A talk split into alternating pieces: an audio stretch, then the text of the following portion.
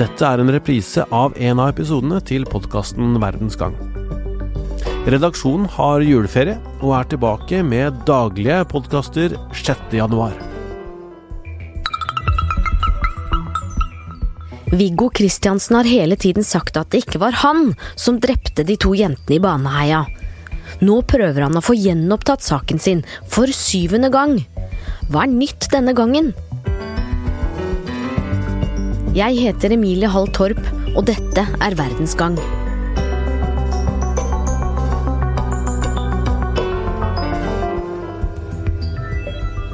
«19. mai i år 2000 gikk Stine Sofie Sørstrønen og Lena Sløgedal Paulsen for å bade i det populære fritidsområdet Baneheia.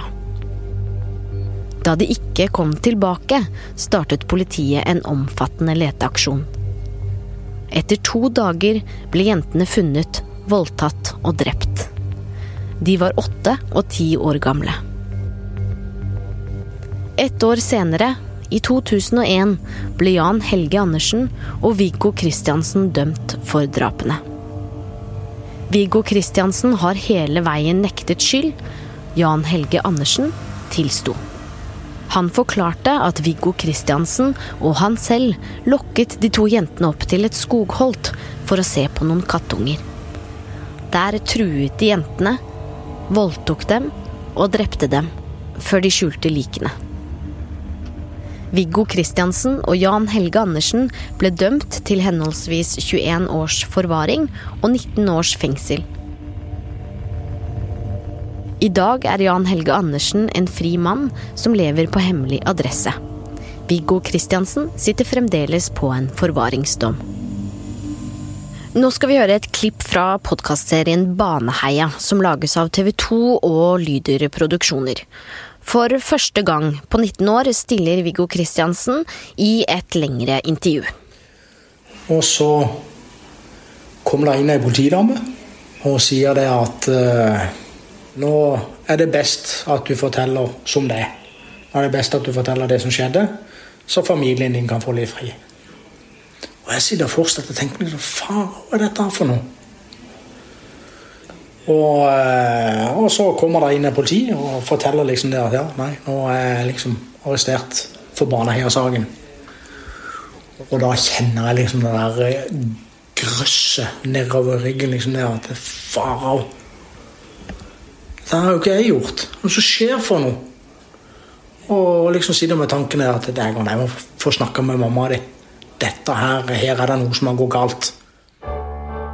Øystein Millie, krimekspert i VG. Hva mener politiet er de avgjørende bevisene mot Viggo Kristiansen? Først og fremst er det forklaringa til Jan Helge Andersen. Han øh, hevder jo at de to var sammen om de grufulle handlingene som skjedde i øh, Baneheia denne vårdagen i 2000. Uh, eh, det fins ingen fellende enkeltstående bevis mot Viggo Kristiansen. Uh, ingen DNA-profil, ingen fingeravtrykk uh, eller andre biologiske spor. Så dommen mot ham er bygd på det man kan kalle et samla bevisbilde. Og Foruten da forklaringa til Jan Helge Andersen, så er det uh, lagt vekt på hans profil, altså hans modus. Han har han var en plagsom fyr. det var, og det er ganske bredt behandla i etterforskninga, at han spredde skrekk og gru i, eh, i, nærområdet der han bodde. Eh, folk, eh, det gikk så langt at folk vurderte å flytte. Han ropte kjønnsord øh, til kvinner. En kvinne måtte la være å sole seg ute fordi at han plaget henne. Og han hadde da et, en bakgrunn som politiet mente passa som gjerningsmann. Han hang ofte, eller nesten alltid, sammen med Johan Helge Andersen. Politiet la vekt på at de to ikke ville være med ut og lete etter jentene da de ble meldt savna. Ehm, og det er også sånn at Viggo Kristiansen forklarte seg uriktig om sine bevegelser i noen innledende avhør. Ehm, og Så mener jo han at det har en naturlig forklaring, og politiet mener da at det peker mot ham. Så dette samla sett er eh, grunnen til at politiet mener at han har gjort dette? Ja, det er en helhetsvurdering. Eh, og det, jo, det henger også eh, altså Argumentasjonen til politiet og påtalemyndigheten henger også sammen med Jan Helge Andersens personlighet, og hvordan han ble beskrevet og betrakta av vitner. fordi at disse to, som jeg sa, hang sammen veldig ofte, eller nesten hele tida. Og det er rikt beskrevet at Jan Helge Andersen var en forsagt, sjenert eh, mann som nærmest dilta etter Viggo Kristiansen. Men Viggo Kristiansen ble sett på som en manipulerende, ledende, bestemmende, førende mann som eh, politi og påtalemyndighet da Uh, vurderer at uh, kan ha hatt den rollen også da under drapene, og at de ser ikke noen mulighet for at, Viggo, nei, for at Jan Helge Andersen kan ha opptrådt alene. Uh, men her er det, som jeg sier, veldig veldig mange momenter, og det er et såkalt samla bevisbilde. Og, og det, det, er alltid sånn at det inneholder fryktelig mange elementer. Og det blir en bred bevisføring, og det har det vært. Og så blir det da som i noen saker, eh, at man må vurdere helheten. Og det er jo da man ofte, oftest blir uenig, eh, og uenighet mellom påtalemyndighet og forsvarere. Eh, når da en klient nekter skyld, og det er et litt sånn uoversiktlig bevisbilde. Hva skjer med saken til Viggo Kristiansen denne uken? Den er nå for syvende gang i den såkalte gjenopptakelseskommisjonen. Det vil si at kommisjonen skal vurdere om den saken skal eh, gjenåpnes. Men hva må til for at gjenopptakelseskommisjonen sier ja, denne saken eh, må eh, gjenopptas? Det må være noe som gjør at uh, man mener uh, de nye opplysningene uh, åpenbart, eller veldig sannsynlig, ville ført til et annet resultat. Eh, det er ikke sånn at Gjennomtvalgelseskommisjonen sitter og vurderer en sak og tenker at uh, foretar en ny bevisvurdering, sånn som dommerne gjorde. Den jobben er gjort, og den står. Men dersom de sitter og ser på en sak hvor uh, man ser at det har kommet nye opplysninger, eller at det ble gjort en åpenbar feil, at det har vært uh, helt avgjørende bevis som har ikke fått den oppmerksomheten det skulle, så kan man da gjenoppta en sak. Og det er som jeg sier, en sikkerhetsventil. Så det er på en måte en Uh, ofte, i hvert fall, en, en ganske uh, vanskelig Eller det er, det er et nåløye som er ganske lite eh, for å få gjenopptatt saker. Det er ikke så veldig veldig mange saker som, som blir gjenopptatt. Viggo Kristiansen har jo prøvd mange ganger på å få saken sin gjenopptatt.